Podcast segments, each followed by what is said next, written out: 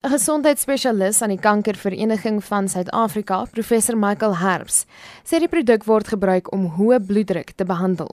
Die oomblik as 'n persoon hierdie middel inneem, dan help dit die bloedvate om te ontspan, hulle deursnit word groter. En dit help dan om 'n persoon met hoë bloeddruk om die bloeddruk dadelik te laat verlaag.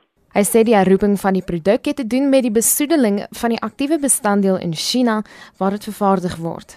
Hierdie besoedelende agentskap is 'n potensiële karsinogeen en karsinogeen staan vir kankerveroorsakende chemikalieë. En dit is wat hier gebeur het. Daar het besoedeling van die rou materiaal van Welsartan die aktiewe bestanddeel gekom in China. Die produk is oor die afgelope paar dae in 22 lande onttrek. Dit sluit Amerika en verskeie Europese lande in. Dit is nou regtig waar eh, 'n bietjie ontstellend vir enige mens wat nou dink, "Jene, ek neem nou 'n medikasie om my gesonder te maak, om my beter te laat voel, om my te help om langer te lewe." En skielik nou moet ek hoor dat hierdie aktiewe bestanddeel in die medisyne wat ek drink kan moontlik in my geval aanhelp dat ek uh, kanker kan ontwikkel.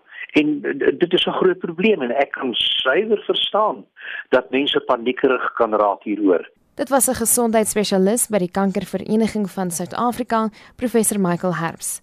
Dit is nog onduidelik of die produk ook in Suid-Afrika van die rakke af verwyder is.